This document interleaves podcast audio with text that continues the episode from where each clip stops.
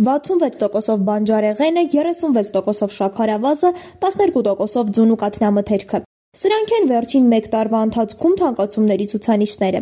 Այսօր մարդիկ բողոքում են անկանոն գնաճից։ Սա է փաստուն 50 հոգու շրջանում կատարված հարցումը։ Հարցվածներից 47-ը վերջին կես տարվա ընթացքում նկատում են գնաճ, 3-ը ոչ։ Ըստ քաղաքացիների արևածաղկի ձեթի, կարագի, մսի, ծխախոտի, կատնամթերքի, ընդեղենի ու սուրճի մի խոսքով գրեթե բոլոր մթերքների գինը բարձրացել է։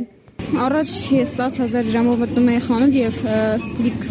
տոպրակներով դուրս էի գալիս, իսկ հիմա ընդհանրապես կարողանում եմ լցնել, այսպես ասած, 1 տոպրակ։ Ամեն ինչ թանկացել է, բայց ամենաշատը ազդել է նպարեղենի վրա, հացի վրա, Անկեղծ ասած, ես տենց շատ գնաճ չեմ նկատել, որովհետև երևի կապված է նրա հետ, որ տենց մեծ առևտուր չեմ անում, միշտ փոքրիկ ինչ-որ քաղցր բաներ եմ առնում, դրանց գները շատ չեն տատանվում, էլ չեմ նկատել գնաճ։ Տարվա ընթացքում գնաճ նկատել Իհարկե նկատել եմ։ Որ ապրանքների շրջանում։ Սննդամթերքի օրինակ, ձիթայուղի, ձուն, Ընդհանուր առմամբ գնաճ հիմնականում նկատում են իմ ընտանիքի անդամները, քանի որ ես մեծ մասամբ տենց մեծ առևտուր չեմ անում ու այս վերջերս երբ որ արդեն սկսեց ամանորյա առևտուր անել այդ process-ը, իրանք նկատեցին, որ տոկոսային առումով օրինակ հենց ընդեղենը շատ-շատ թանկ է, շատ-շատ ու եթե ուզում ես որակով ինչ-որ բան դնես սեղանին, պետք է ամենակիչը 5000 դրամ կիլոյին վճարես։ Ձեթը օրինակ եղել էր 530, ամենայշան հիմա դարձրել է դարձել է մոտ 800 դրամ, կան նաև որ դարձել են 1000 քանի դրամ ու ես հիմնականում այդ եմ նկատել։ Դարձնենք ամեն մեկում 5 դրամ, 10 դրամ, 20 դրամ, դա միշտ էլ եղել է։ Ես չեմ նկատում դրանք, պետքա առնում եմ, կարևոր չի։ Ունենք, չունենք, պետքա առնեմ։ Խնդիրը առավել համակողմանի հասկանալու համար զրուցեցինք մթերային խանութի սեփականատիրոջ հետ, ում խնդրեցինք գնահատել գնաճի ազդեցությունը մարդկանց գնումներ կատարելու վրա։ Նա քաղաքացիներին բաժանեց 3 խմբի։ Առաջին խմբում են այն մարդիկ, որոնց համար գինը կապ չունի, գնում են այնինչ անհրաժեշտ է նույն ծավալներով։ Երկրորդ խմբի մարդիկ իրենց մշտական գնած ապրանքը փոխարինում են ավելի էժանով։ Ենթադրենք, քանի որ կարակի գինը բարձր է, գնում են դրա փոխարինիչը սպրեդ կամ զեթ՝ իրենց պահանջմունքը բավարարելու համար։ Իսկ երրորդ խմբում զետեղված են այն մարդիկ, ովքեր գնաճի պատճառով կրճատել են իրենց սովորական գնումների ծավալը։ Ինչով է պայմանավորված գնաճը։ Պետությունը քայլեր ձեռնարկում է այն կարգավորելու համար եւ առհասարակ ինչ կարելի է անել։ Պարզաբանում է տնտեսագետ Լիլիթ Շահկյանը։ 2020 թվականի սկզբից համաշխարհային տնտեսությունը կանգնեց ճգնաժամային խորը ցնցումների առջև։ Կորոնավիրուսային համավարակով պայմանավորված ճգնաժամի հետևանքով աշխարհը հայտնվեց ոչ բնականon իրավիճակում։ 2020 թվականի գարնանը տնտեսությունների կանգը հանգեցնում է արդեն զգալի անկման, իսկ նոր ալիքները, համաճարակի շարունակական նոր ալիքները թույլ չէին տալիս, որ տնտեսությունները լիարժեքորեն կարողանան դուրս գալ սահմանափակումներից, ինչը հանգեցնում էր գների աճին, հատկապես պարենային ապրանքների դեպքում։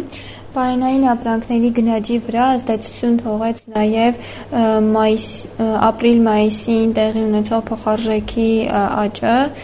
փոխարժեքի տատանումները։ Սրանք այն պայմաններն էին, որոնց պատճառով Հայաստանը եւս չկարողացավ շրջանցել գնաճը։ Պատճառը մի կողմից արտաքին շուկաներից ներմուծվող ապրանքների բարձր գներն էին, իսկ մյուս կողմից տնտեսության ակտիվությամբ պայմանավորված ներքին պահանջարկի մեծացումը։ Արդյունքում 2021 թվականի օգոստոսին Հայաստանում գնաճը հասավ 8.8%-ի, իսկ ներկայումս կազմում է 9.1%։ Գնաճը նկատվեց հատկապես պարենային ապրանքների շուկայում, մասնավորապես տեղի ունեցավ ձեթի, կարագի, ձվի եւ այլ պարենային ապրանքների գների բարձրացում ձեթի գինը գրեթե կրկնակի բարձրացել է վերջին 1 տարվա ընթացքում Կենտրոնական բանկը փորձել է կանգնեցնել գնաճը վերջին 1 ամսում վերաֆինանսավորման տոկոսադրույքը դարձնելով 7.7%, ինչը դեռևս չէր եղել, նշում է տնտեսագետը։ Կենտրոնական բանկի կողմից վերաֆինանսավորման տոկոսադրույքի նման փոփոխությունները պայմանավորված էին գնաճը նպատակային շրջանակում կառավարելի դարձնելու ցանկությամբ, ինչին հասնելու համար գլխավոր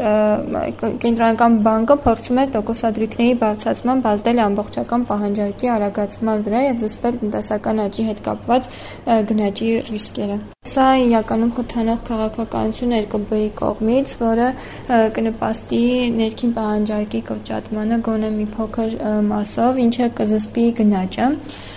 Ըստ Կենտրոնական բանկի հաշվետվության 2021 թվականի ընթացիկ զարգացումները նախանշում են տնտեսական աճի սպասվածից ավելի արագ վերականգնման մասին։ Սա հիմնականում պայմանավորված է արդյունաբերության եւ ծառայությունների ճյուղերի ավելի դրական զարգացումներով։ Համախառն պահանջարկը եւս վերականգնվում է կանխատեսվածից ավելի արագ տեմպերով։ Դրան նպաստում են համաշխարհային պահանջարկի արագ աճը, արտերկրից դրամական փոխանցումների ավելացումը եւ մասնավոր սպառման աճի բարձր տեմպը։ Սակայն մասնավոր ներդրումային ակտիվությունը շարունակում է մնալ թույլ։ Կենտրոնական բանկի խորհուրդը գնահատում է, որ գնաճի շեղման ռիսկերը դեռևս հավասարակշռված են։ Հակառակ դեպքում պատրաստ է համարժեքորեն արձագանքել, ապահովելով գների կայունություն։